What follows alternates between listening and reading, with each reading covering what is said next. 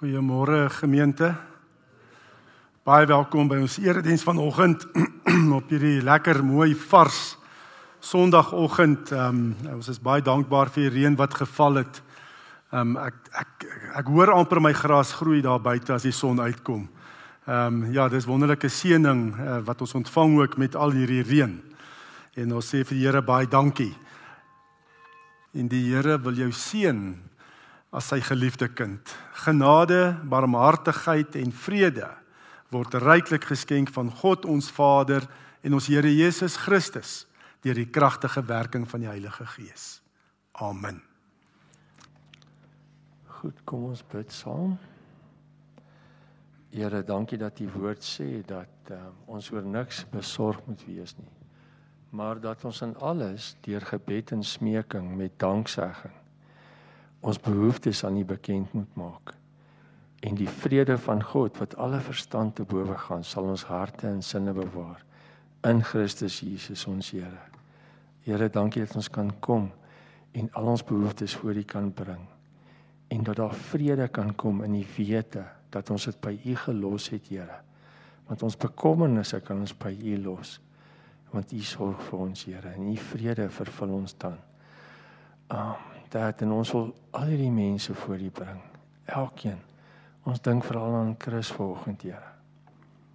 En ons harte gaan uit na hom toe, Vader. En ons vra Here dat as dit U wil is, Here, dat U hom gesond maak. Here, ons weet nie want U sê ook U gedagtes is nie ons gedagtes nie. En ons verstaan nie wat altyd gebeur nie. Maar ons kan berus omdat ons weet dat U ons Vader is en dat U vir ons sorg. En ons hoef nie op en af te spring en 'n lawaai te maak nie, Here. Want U sien ons harte en ons harte is net dat Chris genees sal word, Here.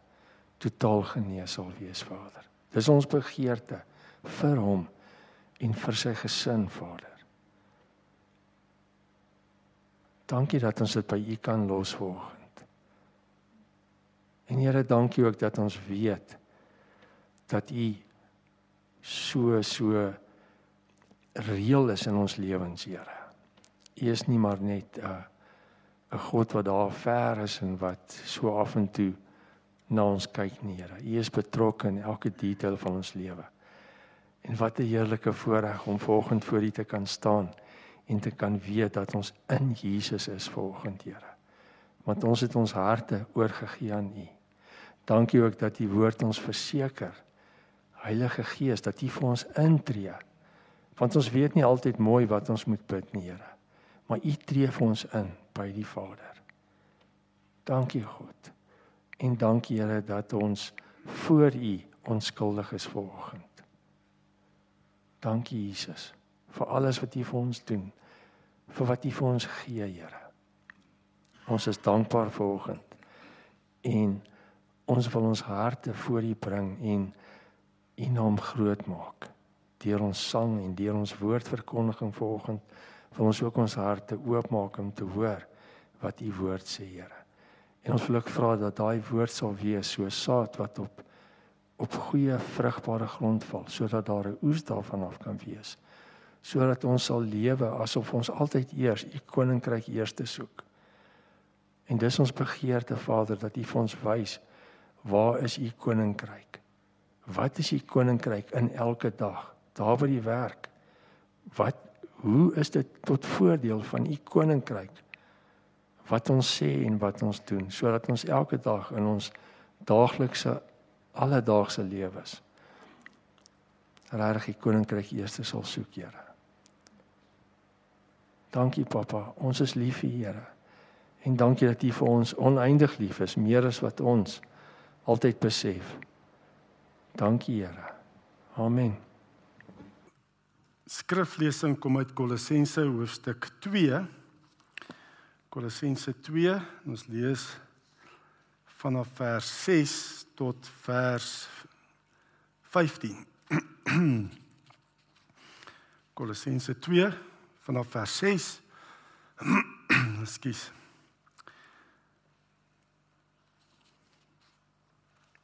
Kolossense 2 vanaf vers 6. Ons gaan fokus op vers 14. Aangesien julle dan Christus Jesus as Here aangeneem het, moet julle in verbondenheid met hom lewe.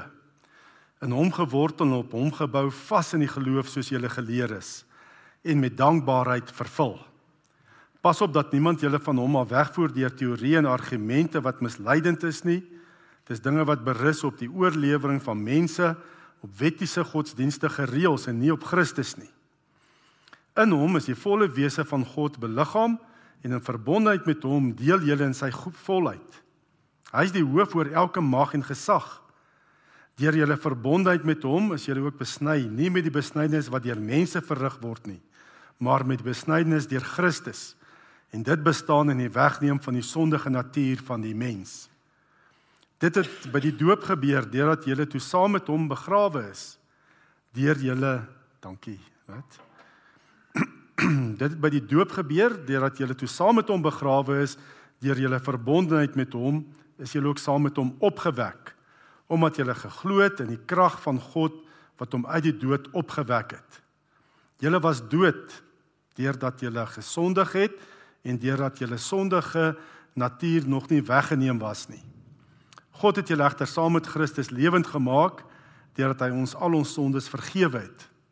Hy het die skuld bewys met sy eise teen ons tot niet gemaak. Deurdat nie kruis te spyker het hy dit vir goed weggeneem. Hy het elke mag en gesag ontwapen en hulle in openbaar vertoon deur hulle as gevangenes in die triomftog van Christus mee te voer. Vers 14 Hy het ons die hy het die skuld bewys met sy eise teen ons tot niet gemaak. Deur dit aan die kruis te spyker, het hy dit vir goed weggeneem.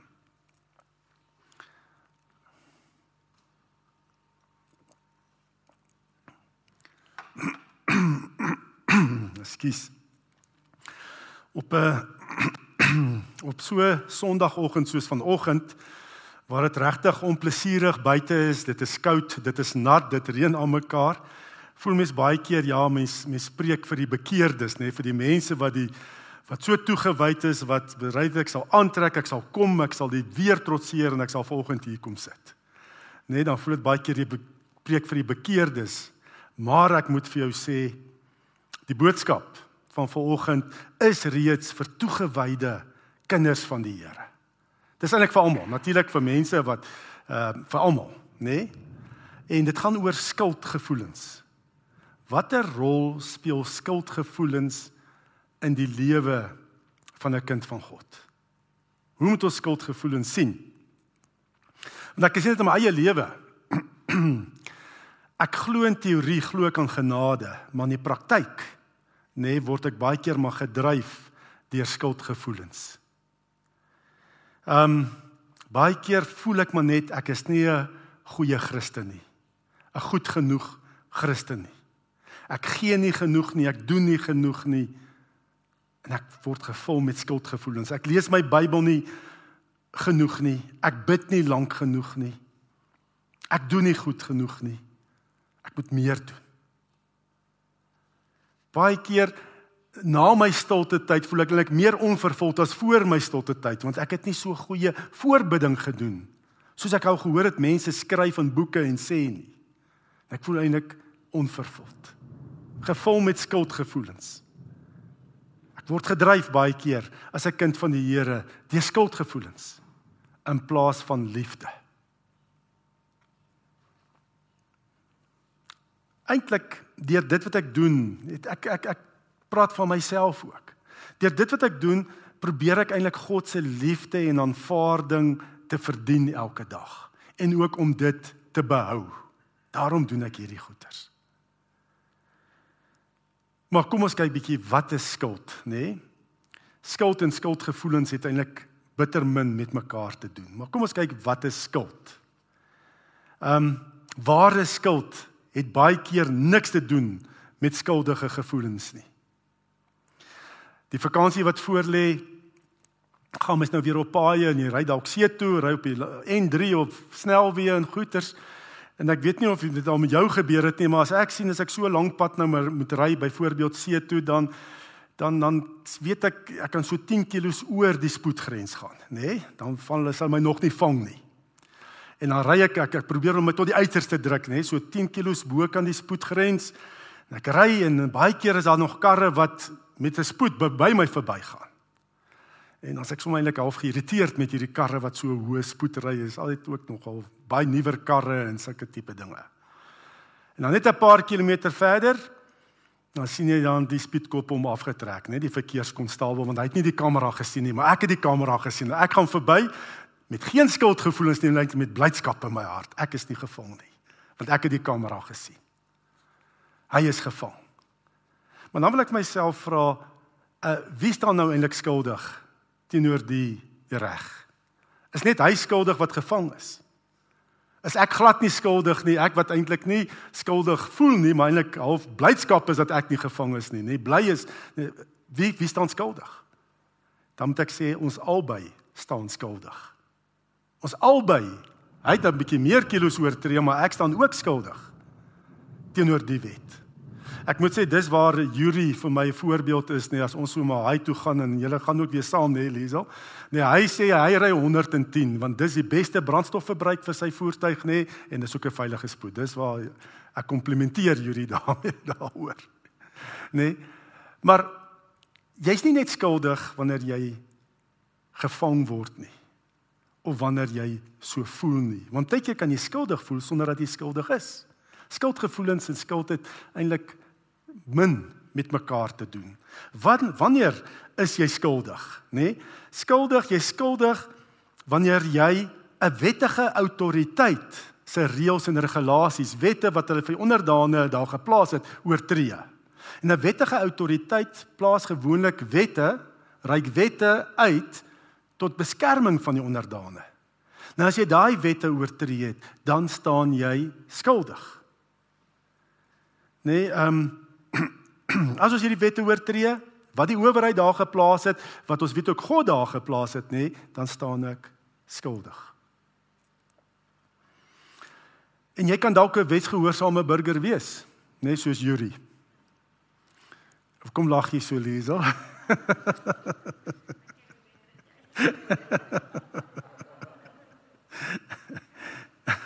jy kan 'n wetsgehoorsame burger wees van die land. Maar waar staan ons teenoor die hemelse regter? Hoe waar staan ek en jy teenoor die hemelse regter? Ehm um, ons weet God is volmaak heilig. En hy kan die sonde nie verdra nie. Hy kan nie sonde net oorsien nie en sê ag dit maak nie saak nie. Omdat hy volmaak heilig is, moet hy die sonde straf. En ehm um, ja, en dan weet ons ook die hele geskiedenis nê nee, waarvan die Bybel praat. Adam nê nee, die eers ons voorouer Adam. Eerste mens wat geskape is. God het hom goed en reg geskape. En dat hy kan reg kies en besluit. Hy kon besluit tussen om God te gehoorsaam of ongehoorsaam te wees. Maar ons weet wat Adam gedoen het. Hy het besluit om in opstand teen God te kom. Alhoewel hy goed en reg geskaap is, hy kon nie reg besluit neem, het hy besluit om opstand te kom teen ons hemelse regter, ons hemelse Vader. Hy was ongehoorsaam. En die Bybel noem dit sonde. Hy was hy het in sonde geval, die sondeval waarvan ons praat. En die loon van die sonde is voor God, die hemelse regter, die betaling, die vonnis van die sonde is die dood, die ewige dood. Romeine 6 vers 23. En dan lees ons in Romeine 5 vers 19 ook. Soos baie deur die ongehoorsaamheid van een mens Adam sondaars geword het. Ongelukkig die konsekwensie, die gevolg van Adam se sonde dat hy ongehoorsaam geraak het aan die Here is dat ons ook ongehoorsaam en skuldig staan voor ons hemelse Vader. Ons word in sonde ontvang en gebore. Ons word as sondaars gebore. Die erfsonde. Ek kan dit vergelyk hierdie hoekom ons ook skuldig staan. Dit klink half onregverdig. Maar dit werk so. Adam was die verteenwoordiger van die menslike geslag. Hy's die hoof van die menslike geslag. Dis amper dieselfde soos wanneer die hoof van 'n land, kom ons sê Cyril Ramaphosa, verklaar oorlog teen ehm um, Namibië. Dan word elke kind, elke baba wat gebore word, nê, nee, word in 'n staat van oorlog gebore teen Namibië. Of hulle dit gekies het daarvoor of nie, jy's in oorlog. En so het Adam gekies om 'n oorlog te maak teen God. En word elkeen van ons gebore in 'n staat van oorlog, verklaring teenoor God. Sonde ontvang en gebore. En ons weet ook ons het ook 'n neiging nê, soos wat jy van jou voorgeslag 'n neiging nê, sekere uh, karaktereienskappe erf as kind, as baba wat gebore is, het ons ook daai karaktereienskappe van Adam geërf met ons geboorte, 'n neiging om verkeerd te doen, om die sonde te doen toe my kinders groter geword het en hulle kan begin rondstap nê, het ek nooit vir hulle te gesê het, hoorie so as nie probleme is, jok. Ek wou dit nie vir hulle te gesê het nie. Ek moes reeds vir hulle gesê het, moenie jok nie. Praat altyd die waarheid. Of moet nie die hond se oor trek nie. Ek moes heeltyd daai neiging nê, wanneer ons almal gebore word. 'n Sondige natuur. Soos dit ook dit baie keer noem. En wat nou gebeur as ons hierdie gedeelte in konteks wil bring, die Romeinse regering in die Bybelse tyd. Wanneer iemand ehm um, gevang word en hy skuldig teenoor die wette van die Romeinse wette, dan het die regter 'n lys, nê, nee, 'n lys van oortredings geskryf met die hand geskryf op 'n papier. En dan daai lys op die einde ook die vonnis, die eise hoe om vir daai daai oortredings te betaal, het hy die eise neergeskryf. Kom ons sê 4 jaar tronkstraf. En as daai lys met al die oortredings en die vonnis, nê, die eise is dan teen die persoon wat wat oortree het se gevangenisdeur, se tronkdeur vasgespijker. Die hele lys. Dit hang daar. Lys van oortredings neergeskryf. En dis teen die seldeur vasgespijker. En dis waarvan ons hierso lees in Kolossense 2 vers 14 lees ons van die skuldbewys met sy eise. Elkeen van ons word gebore met 'n skuldbewys met sy eise. En wat is die eise? Die dood. Die ewige dood om vir daai oortredings, die sonde in ons lewens te betaal. Ons almal word gebore met so skuldbewys. En hoe ouer jy word, hoe meer besef jy kom nie jy tot die besef van jou sondes. Jy raak begin al hoe meer skuldig voel. En jy weet my lewe is nie reg nie. Daar's verkeerde dinge wat ek gedoen het in my lewe. Jy raak al hoe meer bewus van jou skuld. En jy besef net maar ek staan skuldig. En daar's altyd maniere wat ons probeer ontslaa raak van hierdie skuldige gevoelens. Alle mense of jy dit nou weet of nie, nê, nee, of jy die Here dien of nie dien nie, nee, het 'n bewus wees van skuld. Nikki Gambo praat in die Alpha kursus praat hy van daar was 'n debat gereël op televisie tussen 'n bekende ateïs en 'n en 'n Christen, 'n gelowige.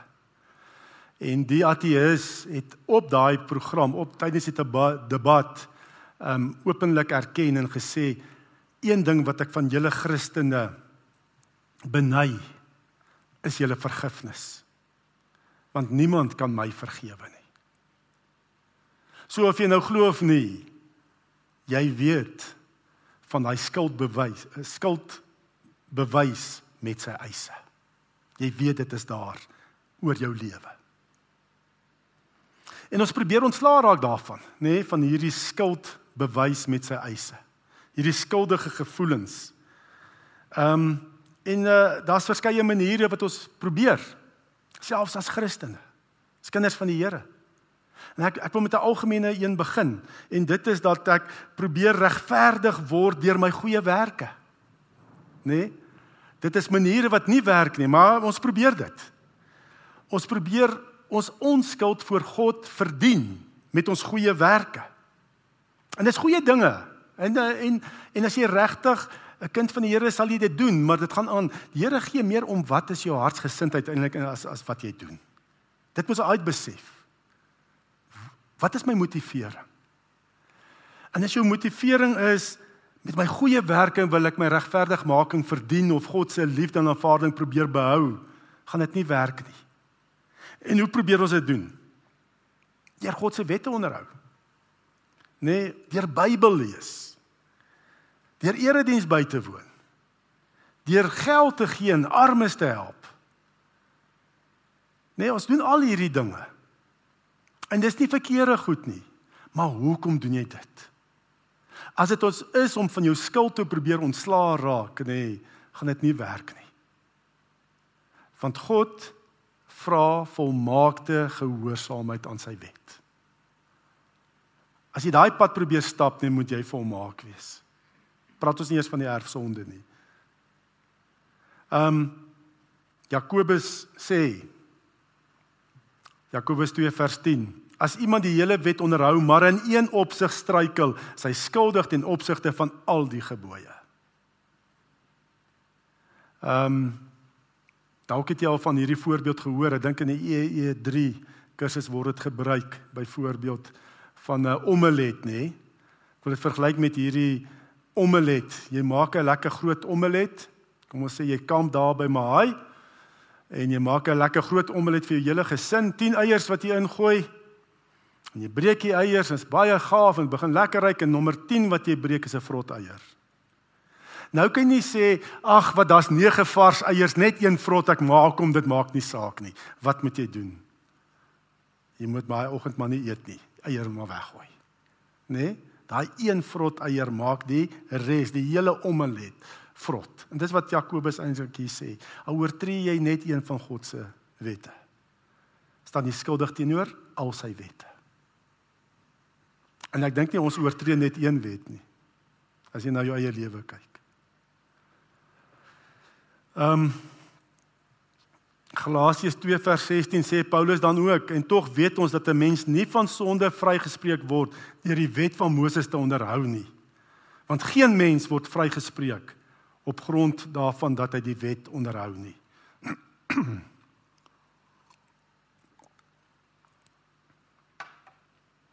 So daai manier gaan nie werk nie om van skuld ontslae te raak nie. 'n Tweede manier probeer ons baie keer van ons skuld regverdigmaking deur jou godsdienstige agtergrond, nee, jy probeer van skuld ontslaa raak want kyk my agtergrond, my godsdienstige agtergrond. Ek het in die kerk opgegroei. Mense sal kom en sê, weet jy, as jy vir mense vra, is jy 'n gelowige? Ja, natuurlik. Ek het dan in die kerk opgegroei. Ek sê gereformeerde lidmaat, my pa en ma was doppers geweest. Ek is gedoop deur dominee so en so, en ons het 'n bekende dominee in die kerkverband. En belydenis afgelê by dokter so en so en so. Né? Nee? Maar ek wil net vir jou sê, dit maak nie van jou outomaties 'n Christen nie, vanweë jou agtergrond nie, 'n gelowige nie.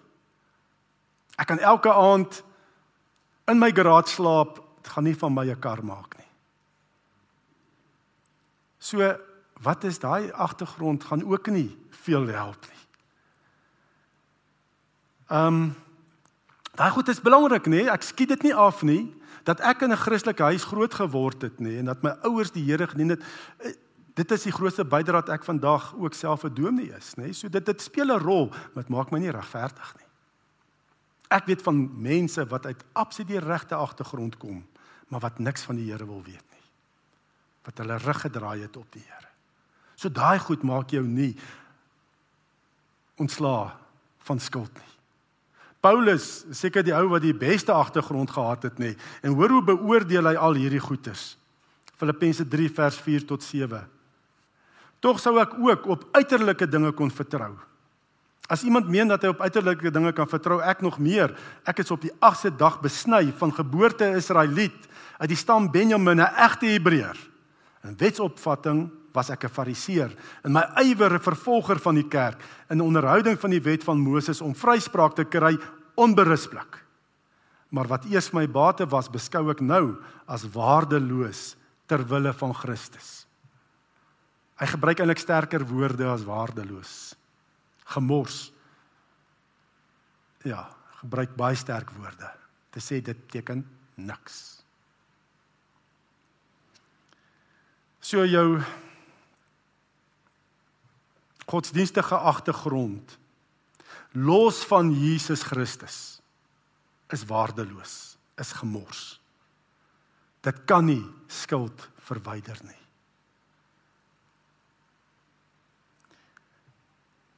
Dan 'n derde manier hoe mense probeer ontslaa raak van die skuldbewys met sy eise.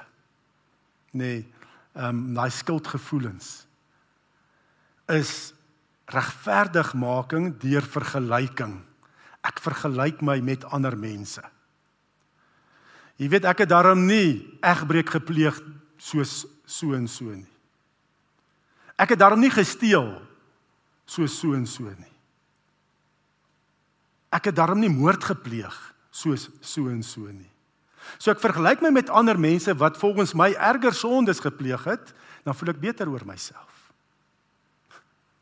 Jy kan beter voel oor jouself, maar daai gevoel is nie op die waarheid gegrond nie en beteken niks.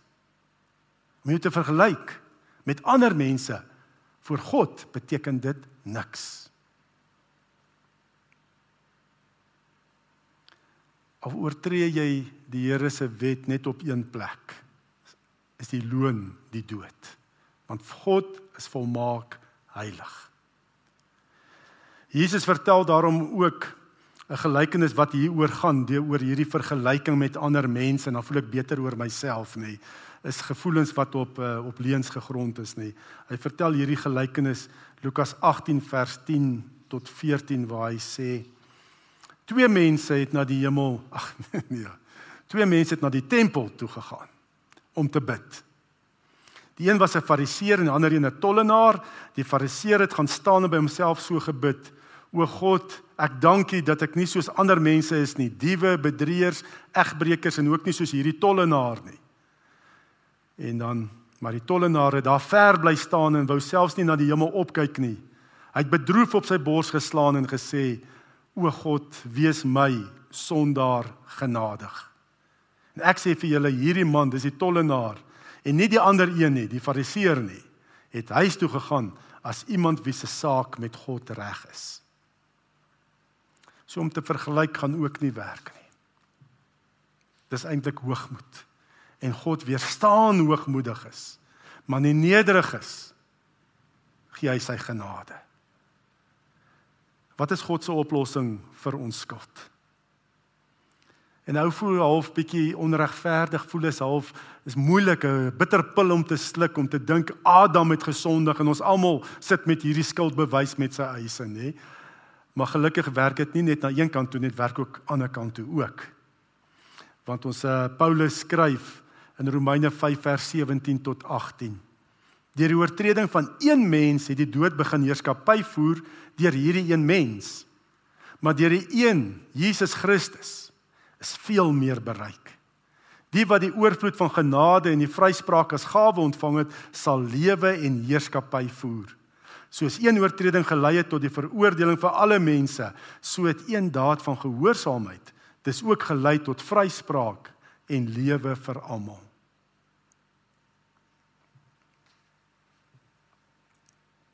Ons almal wat gebore, ons almal word gebore met 'n skuldbewys met sy eise. Maar deur Jesus Christus word dit verwyder. Soos dit staan in ons fokusvers. Hy het die skuldbewys met sy eise teen ons tot nul gemaak. Deurdat aan die kruis te spyker, het hy dit vir goed weggeneem. In die Bybelse tyd tydens die Romeinse regering sal die Romeinse regter nou skryf al die skuldbewys, nê? Nee, al die oortredings met sy eise, die die vonnis en teen die seldeer van die van die oortreder gaan vasspyker en hy sal dit uitdien. En as hierdie oortreder dit klaar uitgedien het, kom ons sê 4 jaar tronkstraf. dan sal die regter kom en met 'n pen dwars oor dit skryf. Oor daai skuldbewys met sy eise sal hy skryf dan ten volle betaal. En die gevangene sal vrygelaat word en glad nie meer skuldig staan ten opsigte van daai lys van oortredings nie. Dis ten volle betaal. Onskuldig. En dan weet ons ook toe Christus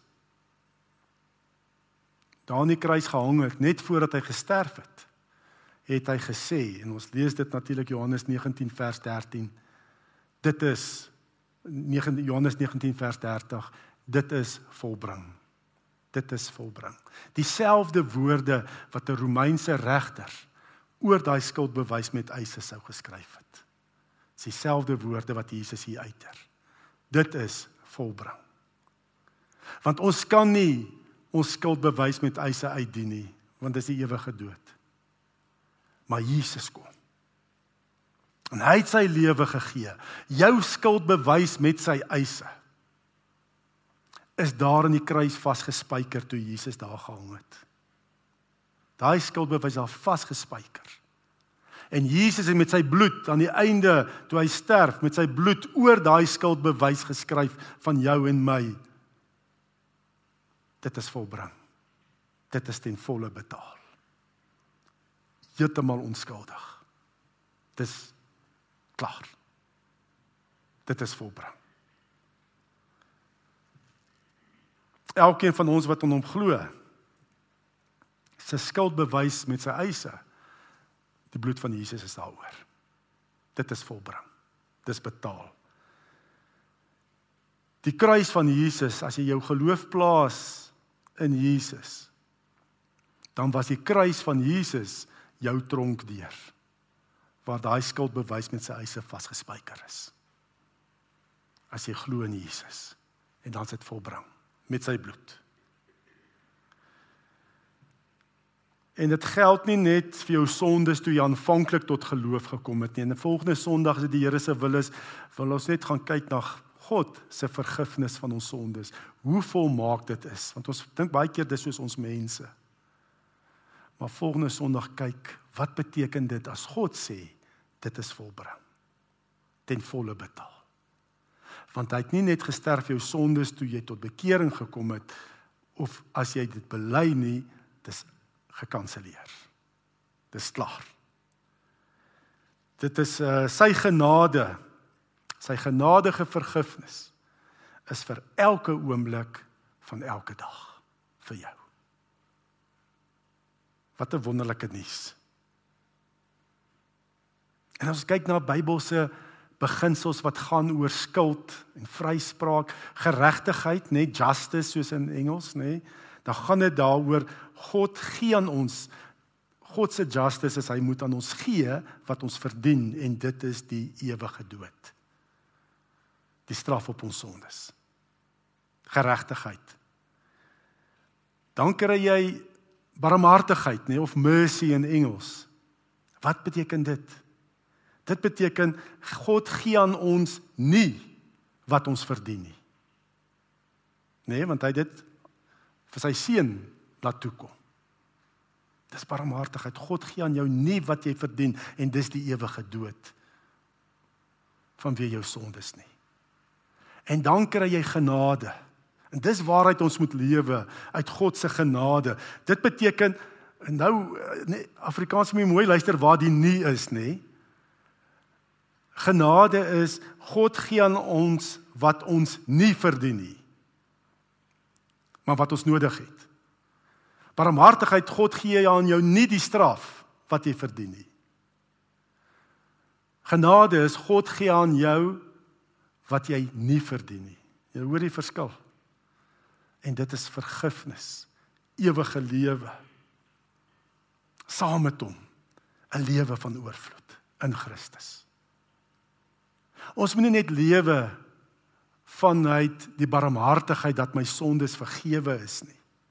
Ek moet lewe vanuit God se genade elke dag dat hy vir my gee in my omstandighede wat ek nodig het. Nie wat ek verdien nie, dit is klaar maar wat ek nodig het. Dis sy genade insig, wysheid, hoe om dinge te, hoe om sout en lig te wees, hoe om 'n oorwinnaar te wees. Ons het ons begin daai skrifberuiming. Wie kan ons voor die regter daag en niks kan ons van God se liefde skei nie. Vanuit dit lewe. 'n Oorwinning lewe. Dat God is by my. Hy lei my. Ek het 'n ewige verhouding met hom, 'n lewe van oorvloed in Christus. Ons kan net die Here loof en prys en dank. En lewe vanuit sy genade, nie vanuit skuldgevoelens nie. Lewe van dit wat God vir jou gee. Amen.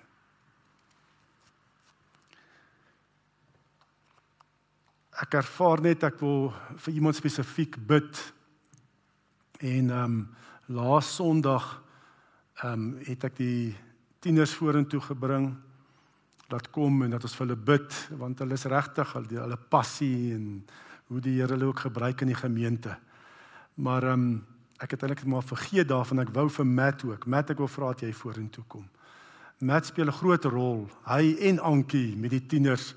Ons het so een drama oefening gehad met 'n klomp tieners. Ek moet sê dit was nogal 'n handvol gewees, nê. Nee. Hulle elke Sondag aand, nê, nee, met die tieners, jy en Ankie. Ankie wat nou by die kinderkerk ook is en wonderlike werk wat julle doen. En Matt, jy wat ook nou verjaar hierdie week en ehm um, die werk wat jy oral doen, nê, die liturgie wat saamgestel word, die musiek by die oorwinnaars as jy 'n uh, absolute ehm um, steunpilaar. Oral is jy in die gemeenskap. Ons sien dit raak. Ons is lief vir jou. Ons waardeer dit. En ek wil regtig die Here se seën oor Mat bid ook. En ook die Here jou begeertes, jou hartsbegeertes, jy ook sy genade, uit sy genade sal lewe. Ehm um, kom ons bid vir Mat. Jy kan jou hand in 'n seëngebaar uitsteek na hom toe. Here, ons sê dankie Here vir vir u diensknegte in die gemeente, Here. Getroue diensknegte soos Mat. En Here, ek ek sê dankie net wat U doen in en deur hom, hoe U hom gebruik, kragtig in die gemeente met die musiek, met die jeug.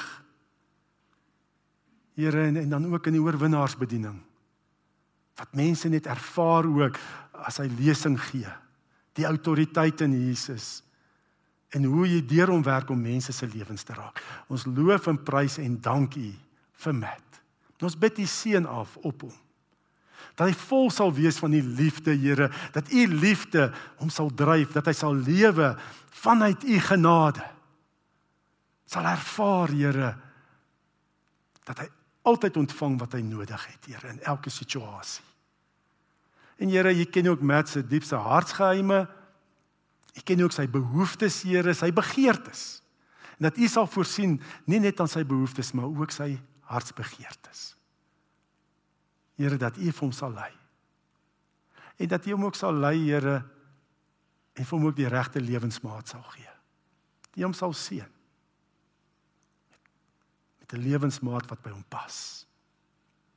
Seën hom, Vader, en waar hy ja, so ywer, so ywerig is in die koninkryk, dat hy net nog ook meer en meer vrug sal sien in u koninkryk.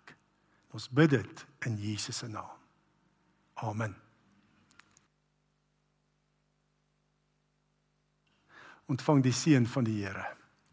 Die genade van ons Here Jesus Christus en die liefde van God die Vader en die gemeenskap van die gelowiges sal by ons en die gemeenskap van die Heilige Gees sal by ons elkeen wees en bly. Amen.